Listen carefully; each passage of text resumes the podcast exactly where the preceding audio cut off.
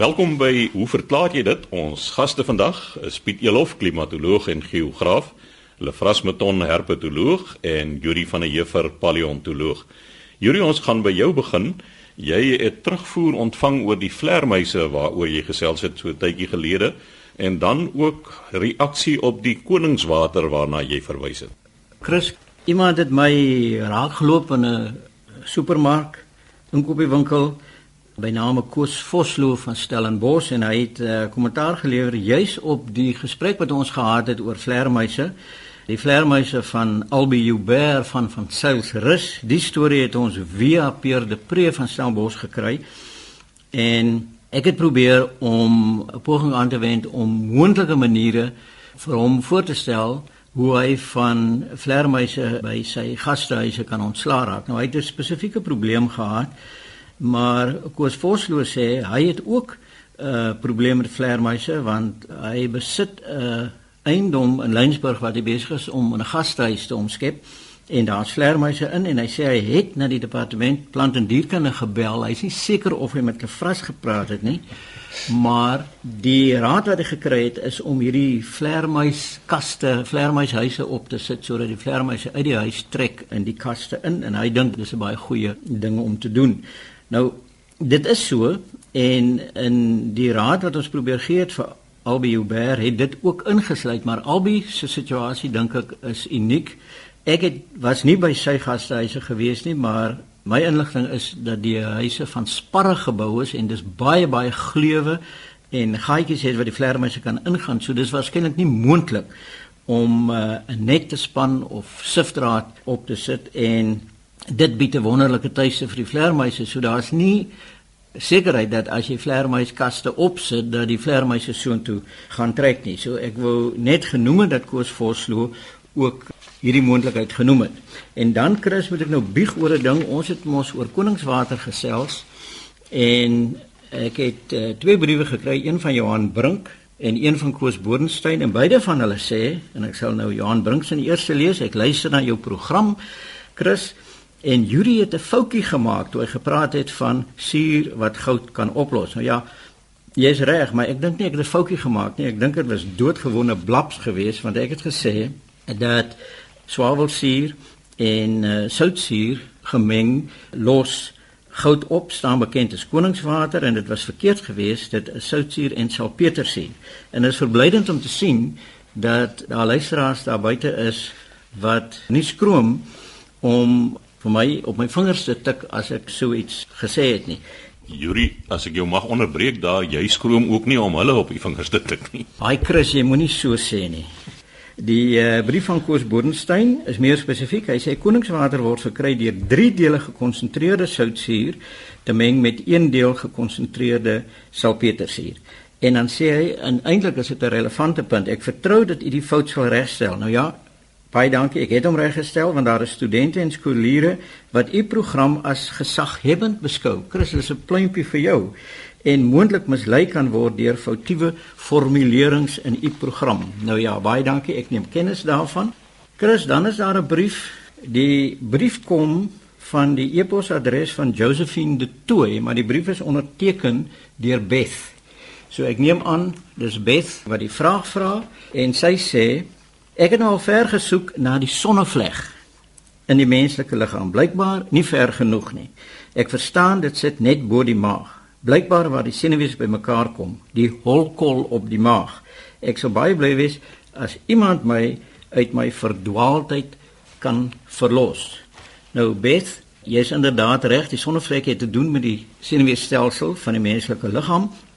En ons praat doodgewoon van die senuweestelsel wat ons het as die sentrale senuweestelsel en die perifere senuweestelsel. Nou die sentrale senuweestelsel is jou brein en die rugmurg en die perifere senuweestelsel is dan die senuwees wat uit die brein ontspring en uit die rugmurg ontspring, die sogenaamde spinaalsenuwees. Nou die kopsenuwees, soogdiere het 12 insluitend die mens, is nou nie hier van belang nie. Dit is eintlik die uh, spinaalsenuwees wat ons hiervan praat. Nou die uh, senuweestelsel bestaan weer uit twee stelsels, die somatiese en die autonome senuweestelsel. Die somatiese senuweestelsel kan rofweg beskou word as die senuweestelsel wat ons willekeurige bewegings beheer.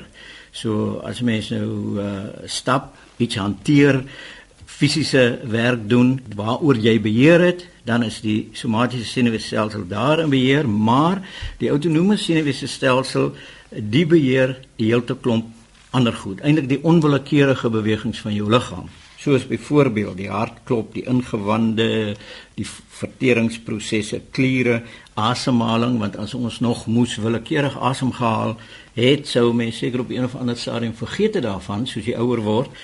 So dit word alles onwillekeurig beheer en dan word hierdie onwillekeurige bewegings van die autonome senuweestelsel, die word weer verdeel in 'n simpatiese en 'n parasimpatiese stelsel. Nou die simpatiese gedeelte, die wek daai onwillekeurige bewegings op in die parasimpatiese stelsel die inhibeer weer daai beweging. So as mense nou dink aan die ou liedjie van Lance James wat hy gesing het oor die groen koringlande en jy sien jou geliefde aangehuppel kom deur 'n groen koringland, dan versnel jou hartslag outomaties. Dis onwillekeurig as gevolg van die simpatiese gedeelte se opwekking en as haar vader, jou toekomstige skoonpa dan skielik op die toneel verskyn, dan word al daai gevoelens weer geïnhibeer.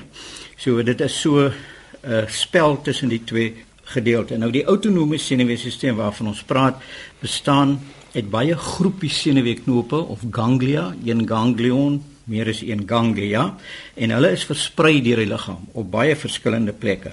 En uh, mens kry hulle in die borsholte, in die buikholte, Jy kry hulle ook aan beide kante van die uh, rugmurg. Dan praat jy van die simpatiese ketting en mens kry hulle ook binne in organe. En so 'n uh, konglomerasie, so 'n samevoeging van ganglia staan bekend as 'n plexus.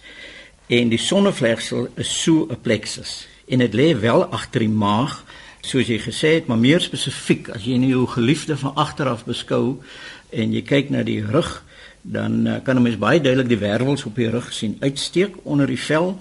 En 'n mens het sewe nekwervels, jy 12 borswervels en dan is daar vyf lendewervels. Nou as jy aftel tot by die 12de borswervel, die toracale wervels, T12 en dan kom jy by die lendewervels L1 en by T12 en L1 net aan die binnekant van die rugmurg, daar lê die sonnevlegsel. Dis 'n groep ganglia wat onderling verbind is, dis so 'n hele stelsel van senuweebane en dit word juis die sonnevlegsel genoem omdat dit so vervleg is en dit gee jou die indruk dat dit so sonstrale van die middelpunt af uitreik. Dis 'n baie goeie vergelyking nie, maar dit is waar die waar die naam vandaan kom. En dan is daar natuurlik ook 'n tweede naam daarvoor waar eintlik die sonnevlegsel vandaan kom. Dit is die solar plexus. Solar vir son, sonkrag So dit hierdie sonagtige plexus van ganglia. Nou gewoonlik word daar dan gesê in Wespraat van die holkol op die maag dat as iemand jou wind uitslaan met 'n vuis in die maag, dan slaan hy jou op die solar plexus. Nou dit is eintlik nie daai sonnevlegsel wat raak geslaan word nie, maar die gebied wat daardeur bedien word, want jy slaan nou op die maag, dit veroorsaak trauma, jy kan die diafragma affekteer en dit veroorsaak baie pyn en jy kan dan besonder ongemaklik voel as jy op hierdie manier geslaan word want jou jou ingewande word dan nadelig beïnvloed. As 'n mens nou jou geliefde omdraai, jy kyk van voor af en jy het nou ekstra oë dat jy deur die vel kan kyk, dan uh, sien 'n mens jou maag. Nou die maag lyk gewoonlik omtrent soos 'n Spaanse wynsak Ons kry mos hierdie Spaanse wynsakke van bokleer wat uitgevoer is met die blaas van die bok. Hy het eenkant so 'n dun kant, die tepel en dan is hy so U-vormig en die ander kant het hy so 'n vet buik. Nou dit is min of meer hoe mense maag lyk met die dun kant as jy na jouself kyk aan die linkerkant en dan het hy so 'n kurwe wat omgaan na die groter gedeelte, die dikker gedeelte aan die ander kant. Nou as jy van voor af na 'n mens kyk en jy kan in daai U-vormige buiging van die maag deurkyk, dan kyk jy vas in hierdie sonnevlegsel. En die het 'n spesifieke naam want dit lê feitelik op die dorsale aorta wat van die hart af kom en die grootste gedeelte van die liggaam bedien. En op daai plek is daar 'n vertakking van die aorta wat afkom die arteria celiaca en dit bedien nou die lewer en die esophagus en die dun darm 'n hele verskeidenheid organe hierdie arteria celiaca En daar kom die naam, die ander wetenskaplike naam vir hierdie plexus vandaan as die plexus soleacus. So Beth, die plexus soleacus, die sonnevlegsel is dis 'n deel van ons senuweestelsel, dis 'n vervlegting van senuwee drade en ganglia wat net voor jou rugmurg sit agter die maag op die vlak van waar T12 die thorakale wervel oorgaan na L1 die limbale wervel. Jury die knop op die maag waarna sy verwys, is dit dan ook so dat uh dit nie jou verbeelding is dat wanneer jy gespanne is en jy kry hierdie knop op jou maag dat dit deur die spanning veroorsaak word nie. Ja, dit is so. Dit is nie noodwendig 'n knop wat op jou maag ontwikkel nie, maar dit is die invloed van die angs of die trauma op jou senuweestelsel wat jy nie altyd kan beheer nie. Nou ek weet daar's mense wat sê veral van hierdie oosterse ouens wat so mediteer dat jy nou willekeur jou hartslag kan verlaag maar dis nou nie deel van die gesprek nie. Maar dit is 'n sinie reaksie. Ek het dit baie gevoel as jy op pad is na die hoofse kantoor toe vir 'n pak sla byvoorbeeld dan voel jy daai knop op jou maag. So sê Juri van der Heever ons paleontoloog en Lefras jy het 'n vraag ontvang oor temperatuur afhanklike geslagsbepaling Ja, Chris, 'n uh, klompie weke gelede het ons gesels oor voëls, wyfie voëls wat dan in mannetjies kon verander. En uh Dr. Danai Janse van Rensburg het vir my 'n artikel gestuur wat dan ook wys waar so iets by akedisse voorkom dat Australiese wetenskaplikes nou gevind het dat wyfie akedisse in mannetjies verander. Ek het toe bietjie gaan oplees daaroor en dit is eintlik baie interessant. Dit is die sogenaamde bearded dragon. Hoe sal ons dit nou in Afrikaans sê? Gebaarde bebaarde. Ja, ja, dit is natuurlik uh, in dieselfde groep akedisse as wat ons koggelmandes hierso in Suid-Afrika is. En so van drake gepraat, Jy sal onthou ons het so 'n tydjie gelede so 'n tong in die kies gesprek gehad oor die biologie van drake as hulle nou sou gelewe het en ek dink dit is ook sommer dan die regte tyd om net daar so 'n paar briewe gekom. Die eerste een was en ek ook 'n teregwysing Yuri. Dit is van Erasmus van Sail van Brackenfell en hy sê daai wetenskaplike of chemiese vergelyking waar kalksteen dan nou saam met uh, soutsuur nou vir jou sal waterstof gee, dit is foutief. Jy moet eintlik 'n metaalbevattende bestanddeel hê, dan kan daar 'n reduksie wees en dan kan jy waterstof produseer. Nou dit sal dan beteken ja dat die drake nie kon kalksteen eet nie, hulle sal moes metaalbevattende klippe alles sal moet harde klippe gekou het. om daardie uh, waterstof te produseer. Daar was ook 'n tweede brief van Ari van Plaats en ja, hy sê daar's ook 'n ander goeie boek wat mens kan raadpleeg oor drake, naamlik The World in Collision as Velikovsky en ja, ek gaan verseker daardie boek in die hande probeer kry en dalk kan ons dan in die toekoms weer bietjie gesels oor die idee van drake. Maar terug by die werklike drake, ons weet daar's baie akedisse wat drake genoem word en by hierdie akedisse het hulle gevind dit is hierdie spesies het normaalweg genetiese geslagbepaling. Met ander woorde, daar's 'n manlike en vroulike kromosome en die geslag word bepaal alreeds by bevrugting of dit nou 'n mannetjie of 'n wyfie akedis gaan wees. Nou het hulle gevind, hulle het hierdie akedisse ondersoek en gevind dat daar's wyfie akedisse, wel, ons sê wyfies wat dan nou eiers lê en met ander hulle is wyfies, maar as jy na hulle kromosome kyk, dan het hulle manlike kromosome. So dit is eintlik manlike akedisse wat nou wyfies geword het en hulle het na 'n hele populasie gekyk en gevind daar's 'n hele klomp sulke individue. En wat hulle toe ook gevind het is dat hierdie akedisse as hulle nou weer kleintjies kry, dan word dit deur temperatuur bepaal. So die geslag word deur temperatuur bepaal. So dit is 'n oorgangs geval waar genetiese geslagbepaling nou vervang word deur temperatuur geslagbepaling. En wat baie interessant is is dat hierdie verskynsel kom voor in 'n deel van Australië wat oor die laaste 40 jaar baie warm geword het. So dit wys dit is net een geval of een voorbeeld waar globale verwarming eintlik drastiese gevolge kan hê. Lefras kan ek net vra daar watter geslag kry jy dan wanneer die temperatuur so hoog is? Mannetjies of wyfies? In hierdie geval is dit mannetjies wat in wyfies verander. Ek moet dan ook nou net by sê, dit is nie volwasse diere nie, dit is tydens die embrionale ontwikkeling in die eiers wat hierdie verandering plaasvind. Lefras, ek weet nie of ek nou weer 'n blap smaak nie, maar is dit nie so by krokodille dat as die temperatuur styg, dan broei die eiers uit as mannetjies nie? Yuri, ja, ek wil nou juis gesê dat temperatuurafhanklike geslagsbepaling is natuurlik dit kom algemeen voor en jy's reg by krokodille byvoorbeeld of al die krokodilagtiges baie van die skilpaaie kom dit voor en ook baie akedisse kom dit voor so dit is niks niets nie maar by hierdie diere is daar nie hulle het nie geslagskromosome nie so geslag word deur temperatuur bepaal So dit is wat dit nou bietjie anders te maak in hierdie geval. En miskien moet ek sê tydens embrionale ontwikkeling, dit is nou in die eiers, uit die aard van die saak kry mens temperatuurgeslagsbepaling net by goed wat eiers lê. Jy gaan nou nie soogdiere kry want die temperatuur word konstant gehou, so temperatuur gaan nie effek hê. Selfs met voëls, alhoewel hulle eiers lê, broei hulle op die eiers en so die temperatuur gaan ook konstant gehou word. Daar was 'n voëlspesies, daardie wat is hulle megapoda wat hulle eiers begrawe in groot humus of onder blare begrawe wat dan die hitte ekstern geproduseer word. Hulle het gedink dat daar ook temperatuur geslagsbepaling is, maar toe later gevind nee, dit is maar daar sterftes onder sekere geslag as die temperatuur te hoog is en dan gee dit die effek dat temperatuur 'n rol speel om die geslag te bepaal.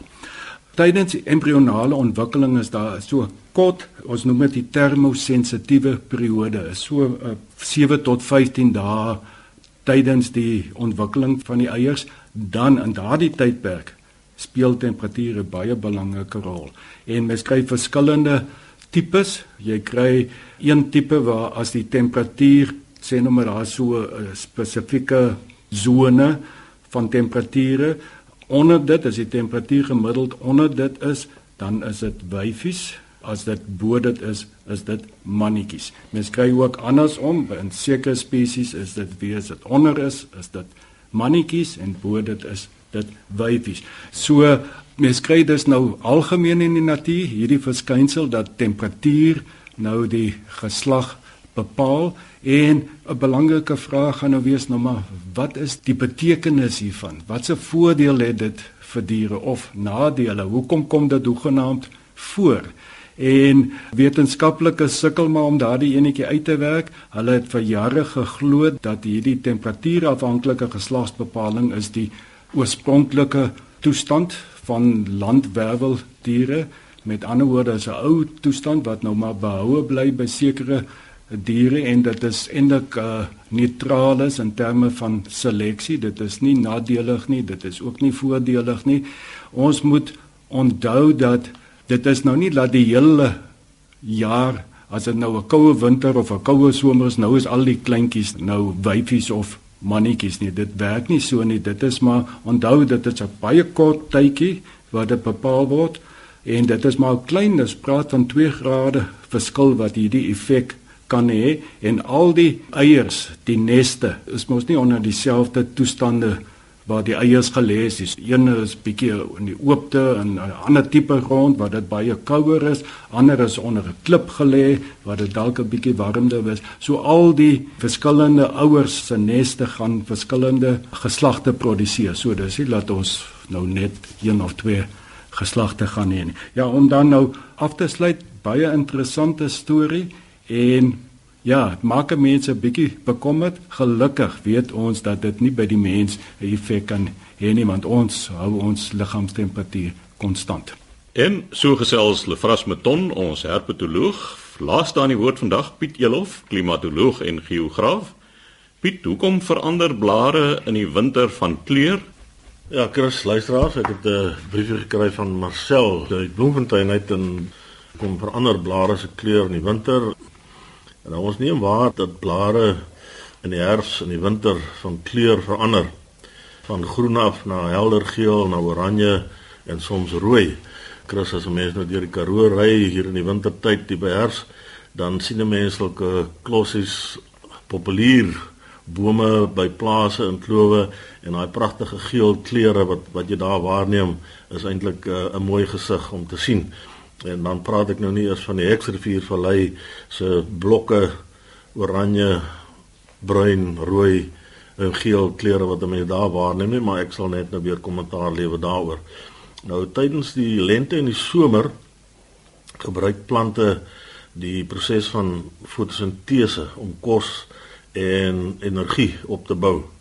'n Groen pigment in die blare, ook genoem klorofil, help om die proses van fotosintese te laat plaasvind. Sonlig speel natuurlik hier 'n belangrike rol, die hoeveelheid sonlig en ook die intensiteit van die sonlig veral in die somer speel hier 'n belangrike rol. Tydens die herfs en die winter verminder hierdie hoeveelheid en intensiteit van die sonlig. Ons het al in vorige programme 'n melding gemaak daarvan en redes aangevoer waarom die sonlig se intensiteit en hoeveelheid verminder tydens die herfs en die winter. En die gevolg daarvan is dat die klorofil, hoeveelheid klorofil in die plantblare, die verminder dan en die hele proses van fotosintese word dan hierdeur gekortwiek. Nou, naarmate die groen in die blare verminder, kom die ander kleure na vore en uh, word dan gedomeineer deur etsy geel of rooi of bruin kleure wat ons andersins as groen sou waargeneem het. Maar Marcel, ek vermoed dit is nie die volledige antwoord nie. Dat daar ook ander redes is vir die verkleuring van die blare veral in die wingerde in die Heksrivier vallei. En uh, ek het al so 'n bietjie gesels met 'n uh, kollega van my Benny Sloms daaroor dat hier ook virusse en ander goed betrokke is wat die kleur van hierdie wingerde se blare dan sal veroorsaak.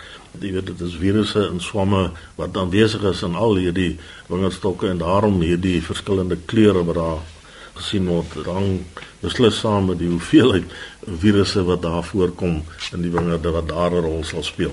Piet, ek weet nou nie of ek verkeerd is nie, maar ek kry die indruk dat in baie koue dele waar daar tog nog dit is nie niks met wolke te doen nie, dis baie sonskyn daar, soos daar in die koue Bokkeveld en so kry jy hierdie baie meer uitgesproke verkleuring van die blare terwyl hy naby die see soms net wes waar ek bly is dit blare word bietjie geel maar definitief nie van dieselfde intensiteit nie. Ja, hulle vra ek is nou nie 'n botanis nie, maar ek dink dit hang ook af van die spesies, die boom, boomtipe. Ons sien pragtige fotos wat uit die noordelike halfrond uit geneem word met die bome wat verkleur in hierdie oranje en geel en rooi kleure. Sommige bome se blare gaan nie verander nie, kleur verander nie. Ander weer eh, die word net vaal en val. Die Engelse praat mos van fall soos die blare wat val van die bome af eh, sonder dat daar noemenswaardige kleurverandering plaasvind. Maar ek dink in die geval van die wingerde is dit beslis waarskynlik ook virusse wat 'n rol speel in daardie goed. Nou ja, daar het die tyd ons ongelukkig alweer ingehaal. Dit was dan Piet Elof, ons klimatoloog en geograaf. Skryf gerus aan ons by hoe verklaar jy dit? Posbus 2551 Kaapstad 8000 of stuur 'n e-pos aan chris@rsg.co.za www.co.za